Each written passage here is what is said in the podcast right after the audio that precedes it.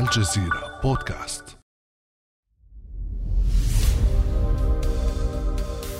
إذا مجلس النواب وافق على الموازنة وافق على طريقة احتساب حصص الإقليم لمن في آخر الشهر أو بداية الشهر استحقاقات الإقليم ترسل إلى الإقليم حسب القانون وحسب طريقة الاحتساب مثلا هذا التصريح المقتضب لوزير المالية العراقي علي علاوي عن الاتفاق بين الحكومة الفيدرالية العراقية وحكومة إقليم كردستان العراق بشأن موازنة 2021 قد ينزع فتيل أزمة الرواتب المتأخرة التي أدت إلى عشرة أيام متواصلة من التظاهر في كردستان أحرقت خلالها مقرات الأحزاب الكردية.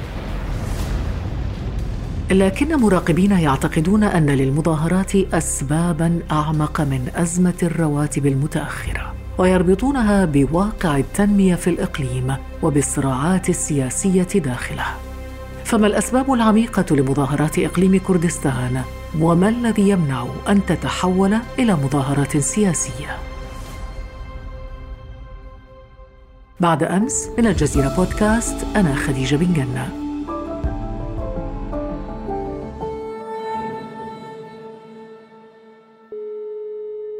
وضيفنا في حلقة اليوم مراسل الجزيرة في إقليم كردستان أمير فندي. مساء الخير أمير. مساء الخير خديجة. شكرا جزيلا. أمير لو بدأنا بهذا التصريح لوزير المالية العراقي هل يعني أن الحكاية كلها كانت رواتب متأخرة وفقط؟ المسألة أكبر من مجرد رواتب موظفين، رواتب الموظفين هي إحدى تجليات وتداعيات هذه الأزمة العميقة والكبيرة بين آه، الحكومتين حكومتي بغداد وأربيل. هذه العلاقة القلقة التي نشأت أو هي بدأت بالتذبذب بين الطرفين قبل سنوات وتجلت فيما بعد في شبه مقاطعة بين الحكومتين على فترات متقطعة. وأيضا كانت هناك أزمات أخرى ولكن الرواتب هنا كان إذا صح التعبير الانفجار انفجار الشارع المطالب برواتبه المتأخرة من قبل حكومة إقليم كردستان العراق التي تتهم بغداد أنها هي المتسببة في هذا التعثر وهذا التأخر لأنها تمتنع عن إرسال حصة إقليم كردستان العراق من الموازنة العامة وهي 320 مليار دينار عراقي. يستكمل المبلغ الباقي إقليم كردستان حيث هو مطالب بضعف هذا المبلغ أو ربما أكثر بقليل لتأمين رواتب موظفيه في إقليم كردستان. الأزمة عميقة جدا خديجة، هناك إشكالية في هذا السياق، الآن في إقليم كردستان هناك مليون ومئتين وخمسين ألف موظف وهذا الرقم هو رقم كبير جدا ولا تقبله بغداد. من حيث النسبة والتناسب حيث أن في إقليم كردستان العراق هناك خمسة ملايين نسمة وبالتالي هذا الرقم الكبير من الموظفين ترفضه بغداد. وهي تطالب حكومة إقليم كردستان باستخدام البايومتري النظام البايومتري الذي سيحذف آلاف الأسماء من قوائم الرواتب باعتبارها مكررة أو لا تستحق هذه الرواتب لكن حكومة أربيل ترفض هذا الأمر. هناك مطالبة أخرى من بغداد وهي أنها تريد أن تدفع رواتب موظفي إقليم كردستان العراق مباشرة من بغداد عن طريق نظام الكي كارد وهو نظام شبيه بالأنظمة البنكية العالمية لكن أيضا حكومة أربيل ترفض هذا المقترح. حكومة إقليم كردستان لماذا ترفض هذه العروض من الحكومة المركزية في بغداد؟ نعم خديجة في الحقيقة هي ترفض هذه العلاقة المباشرة بين موظفي إقليم كردستان العراق وبغداد باعتبار أن هذا الأمر يدخل ضمن وظيفتها السيادية اختصاصات أو اختصاصاتها وصلاحيات. بالضبط. هي لا تريد لا تريد أن تفقد التواصل مع موظفيها. لا يمكن أن يكون هناك موظف يعمل في إقليم ويتسلم راتبه من مركز الدولة وبالتالي هذا يخالف الدستور حسب التفسير هنا في إقليم كردستان العراق للدستور العراقي الذي يعطي لإقليم كردستان العراق وباقي الأقاليم في حال وجدت في العراق صلاحيات واسعة إحداها أنها تتعامل مباشرة مع موظفيها لتقطع الطريق أمام مركز الدولة للتعامل مباشرة مع هؤلاء الموظفين. يعني هذا مفهوم أمير ولكن أزمة الرواتب المفروض أنها يعني تشمل عموم الإقليم. لماذا إذا المظاهرات فقط في السليمانية حيث منطقة نفوذ الاتحاد الوطني الكردستاني وحلبجة؟ نعم خديجة هذا الأمر يعني آه، هو مفارقة في الحقيقة. الجزء الأكبر من الموظفين آه، هم متواجدون بطبيعة الحال في أربيل عاصمة إقليم كردستان العراق وأيضا بالإضافة إليها منطقة دهوك وصولا إلى منطقة غربي نينوى. كل هؤلاء آه، مئات الآلاف من الموظفين موجودون في هذه المنطقة التي يسيطر عليها الحزب الديمقراطي الكردستاني الذي يتزعم أيضا الحكومة وجميع التفصيلات والمؤسسات الكبرى في إقليم كردستان العراق. ما يحدث هو آه، وحسب آه، منظمات تراقب حقوق الإنسان وأيضا تراقب الحركة الموجودة المجتمعية في أربيل وأيضا دهوك يصار إلى أن الحزب الديمقراطي الكردستاني قد فرض الأمن بقبضة حديدية على الشارع وهو يعترض على وجود أي تجمع للمواطنين أي مطالبات أي مظاهرات. وبالتالي الناس هنا في الحقيقة هي تهاب إلى حد كبير هذه القبضة الحديدية التي يبدو أنها بدت أخف في منطقة نفوذ الاتحاد الوطني الكردستاني. ولذلك عادة ما تبدأ المظاهرات هناك ولكن في الآونة الأخيرة كان هناك شيء أو تطور آخر وهو أن الاتحاد الوطني الكردستاني هو أيضا يبدو أنه استلهم التجربة أو الموقف من الحزب الديمقراطي الكردستاني وبالتالي أيضا ضرب المتظاهرين بقوة وبقبضة من حديد واعتقل مئات الناشطين المدنيين وبل بعضهم تعرض إلى أنواع متفاوتة من التعذيب ومن الضغط وأيضا كان هناك قتلى وجرحى لكن أمير هل تبرر مظاهرات على الرواتب هذا المستوى من العنف الذي قابلت به قوات الأمن المتظاهرين؟ طبعا هنا نتحدث عن عشرة قتلى وعن إجراءات أمنية صارمة جدا. السلطة في الحقيقة هي تتخوف من أن يرفع المتظاهرون سقف مطالباتهم وبالتالي ربما يصار إلى تغيير هذا النظام بالكامل وهذه الأحزاب. وربما كانت حركة إحراق مكاتب الأحزاب الكردستانية المشاركة في الحكومة كانت حركة دقت ناقوس الخطر عند السلطة هنا في إقليم كردستان العراق وخصوصا عند الاتحاد الوطني الكردستاني الذي شعر أن منطقته أو منطقة نفوذه هي التي تواجه كل هذا السيل من المظاهرات ومن هذا القلق من كل هذه الأحداث بينما لا تزال منطقة نفوذ الحزب الديمقراطي الكردستاني هي منطقة هادئة نسبيا إذا ما استثنينا بعض المطالبات أو عدد من المطالبات التي يحاول ناشطون مدنيون تمريرها عبر منصات التواصل الاجتماعي. هناك خوف حقيقي من السلطة من هذه المظاهرات وهي ربما ستعيد ضربها بقوة وبقبضه من حديد في حال تكررت باعتبار أنها ربما تفضي إلى مطالبات أكبر تنتهي بانتهاء هذه السلطة.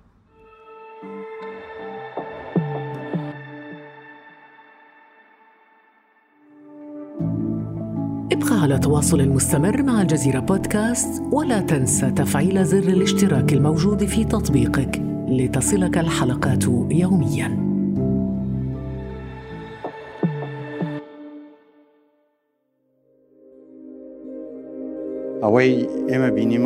هناك أطراف تحاول استغلال الاحتجاجات وحرفها عن مسارها من خلال عمليات التخريب. العنف لن يسهم في إطلاق الرواتب ومشكلتنا لا تتعلق بها فقط. كان هذا رئيس حكومة إقليم كردستان العراق مسرور بارزاني وهو يلقي أول كلمة له بعد اندلاع المظاهرات. قطع لخدمة الإنترنت. حظر للتجوال منع للسفر بين مدن محافظة السليمانية وإجراءات اعادت إلى الأذهان أجواء الاحتجاجات التي شهدتها مدن عراقية السنة الماضية وطالبت بتغيير كامل المنظومة السياسية وأدت إلى استقالة حكومة رئيس الوزراء العراقي عادل عبد المهدي. خاصة وأن متظاهري السليمانية لم يفرقوا بين مقرات الأحزاب والمقرات الحكومية. أمير ما الذي يعنيه رئيس حكومة إقليم كردستان مسرور بارزاني حينما يتهم أطرافا خارجية ودولا إقليمية بالدخول على خط المظاهرات؟ نعم خديجة نشطاء مدنيون هنا ومنظمو المظاهرات يقولون إن هذه التبريرات الحكومية التي جاءت على لسان رئيس وزراء إقليم كردستان العراق هي دائما تكون تبريرات أو لنقل قراءات مسبقة وجاهزة في اتهام أطراف خارجية عندما تكون هناك مطالبات بحقوق المواطنين. وبالتالي هم يرفضون هذه التبريرات وهذا التفسير الحكومي بالمجمل الحكومة هي هنا وعلى رأس هذه الحكومة الحزب الديمقراطي الكردستاني ومسرور بارزاني يحاولون اتهام أطراف خارجية إلى جانب اتهامهم لبغداد. أنها هي المتسببة في هذه الأزمة باعتبارها أنها غير ملتزمة بالدستور وبإرسال حصة إقليم كردستان العراق من الموازنة العامة. الشارع هنا خديجة لا ينفي التهمة أو لا ينفي التهمة عن بغداد، لكنه أيضا يحمل حكومة إقليم كردستان العراق المسؤولية الأكبر باعتبار أن حكومة الإقليم هي حتى هذه الساعة وإن كانت قد أبدت اعلاميا استعدادها تسليم الواردات الاتحادية إلى بغداد، لكنها تعيش الواقع وتعلم جيدا أن الحكومة ربما لا تستطيع حتى إذا أرادت أن تسلم كامل هذه الإيرادات الاتحادية إلى بغداد، لأن هناك صفقات وهناك كانت اتفاقيات حتى اتفاقيات دولية بشأن النفط، ملف النفط وأيضا هناك المعابر الحدودية والمطارات ودخول مئات الشركات العملاقة في هذا السياق الاقتصادي في الإقليم وبالتالي الحكومة لا تملك قرارها الاقتصادي بالكامل لكي تجلس مع بغداد وبالتالي تقدم كافة الإيرادات الاتحادية إلى بغداد لترسل بغداد هي الأخرى بدورها حصة الإقليم آه، من الموازنة العامة. نعم ربما أمير بمنطق الحكومة المركزية أنه لا يعقل أن تستلم أو يستلم الإقليم دائما ميزانيات من الحكومة المركزية وفي نفس الوقت لا يقدم هو ما من عائداته شيئا للحكومة المركزية. بالضبط هذه هي العقدة، هذا هو التصور آه، ربما يكون الأقرب إلى الحقيقة خديجة. طب في السابق كيف كان الطرفان يتعاملان مع هذا الموضوع؟ العراق كله كان يمشي أو يدار على مبدأ الديمقراطية التوافقية يعني كانت هي نوع من الديمقراطية التوافقية، كانت الأحزاب الكردية لها حق الفيتو في بغداد ولكن هذا الحق يبدو أنه لم يعد فاعلا أو انتهت صلاحية هذا الحق وبالتالي لا يمكن للأحزاب الكردية وتحديدا الحزب الديمقراطي الكردستاني والاتحاد الوطني الكردستاني لا يمكن لهما أن يمارسا هذا الحق على الأحزاب في بغداد وعلى مجلس النواب تحديدا. لكن في السابق طالما أننا نتحدث عن السابق أمير أنت تتذكر جيدا عندما غطينا وكنت موجودة معكم في أربيل عندما غطينا الانتخابات. لم تكن هذه المشكلة ابدا مطروحة قبل سنوات. ما الذي استجد حتى أصبح أو وصل الصدام إلى هذا الحد بين الحكومة المركزية وحكومة الإقليم؟ نعم خديجة ما حدث كانت تراكم لجملة عقد في بغداد. انفجرت باستفتاء إقليم كردستان العراق على الاستقلال من العراق. هذه النقطة كانت فارقة وما تلاها في السادس عشر من أكتوبر قبل عامين أو ثلاثة أعوام عندما دخلت القوات العراقية إلى كركوك ودفعت بقوات البيشمركة إلى خارج منطقة كركوك وخارج المنطقة النفطية الغنية. وبالتالي انقلبت المعادلة السياسية في العراق وصارت الأحزاب العراقية هي الأقوى فيما كانت في السابق وحتى الحرب على تنظيم الدولة. كانت الأحزاب الكردية هي الأقوى في بغداد وبالتالي كانت كردستان أو كان إقليم كردستان العراق يملك أوراق قوية يفاوض بها أو يحاول أن يضغط بها على الحكومة التي لم تكن تريد لهذه المشاكل أن تنبري في هذه الأزمة. الآن انتهت أزمة تنظيم الدولة وانتهت أزمة آه، كركوك. صارت منابع النفط بيد الحكومة العراقية. الوضع الكردي هو ضعيف جدا الآن إلى حد كبير خاصة بعد استفتاء الانفصال وبعد فقدان كركوك ومنطقة عموم منطقة غربي نينا وفي منطقة سنجار وما تلاها وصولا إلى الحدود السورية العراقية السورية. وبالتالي الموقف انقلب مجلس النواب العراقي على الورقة الكردية وعلى الفيتو الكردي وهو الآن يطالب بكامل حقوقه. يريد أن أقول فقط خديجة في السابق حتى قبل أيام كانت بغداد تطالب ب 250 ألف برميل يوميا من الإقليم. الآن بغداد تطالب ب 450 ألف برميل يوميا. الضعف كردستان مطالبة بالضعف وبالتالي سقف المطالب في بغداد يرتفع كل يوم بل وكل ساعة. ومجلس النواب هو الذي يتحكم بسقف هذه المطالب وليس حكومة السيد الكاظمي. نعم. لكن أمير لو قارنا بين مظاهرات الإقليم ومظاهرات بغداد هل هناك أوجه شبه بينهما؟ بالتأكيد هي هناك أوجه شبه لأنه حتى في الإقليم كانت هناك مظاهرات قبل أن تحدث أو أن تقوم تلك المظاهرات في بغداد وفي البصرة ومناطق أخرى، هناك دائما المطالب الأساسية الحياتية للمواطنين وهي مطالب بسيطة، صحيح أنها مطالب ربما في الظاهر هي بسيطة لكنها عميقة وتدخل في سياق النظام السياسي المعمول به في العراق عموما وفي إقليم كردستان هنا تحديدا عندما يكون الحديث عن مظاهرات السليمانية، لكن كما أشرت قبل قليل. هو مشكلة سقف هذه المطالب. الشارع لا يتوقف عند سقف واحد عندما يدرك أنه تقدم خطوة على السلطة وبالتالي هذا هو الذي يجعل السلطة تضرب بيد من حديد. كل المظاهرات في العراق هي متشابهة لأن الطبقة السياسية الحاكمة تنتهج نفس السياسة إزاء مطالب الشعب وإزاء تطور هذا البلد. وهي الضرب بيد من حديد. بالتأكيد. طبعا هذه السياسة أدت إلى تحقيق الهدوء هذا الهدوء الذي عاد إلى محافظة السليمانية تحت القبضة الأمنية المشددة كما ذكرنا وهذا النجاح الذي تحقق في جولة المفاوضات مع الحكومة المركزية ببغداد قد يعيد الأمور إلى ما قبل اندلاع المظاهرات الأخيرة لكن بعضا ممن كانوا موجودين في الشارع ليسوا موظفين وكانوا يطالبون بالوظائف ما يعني أن أزمتهم لم تحل.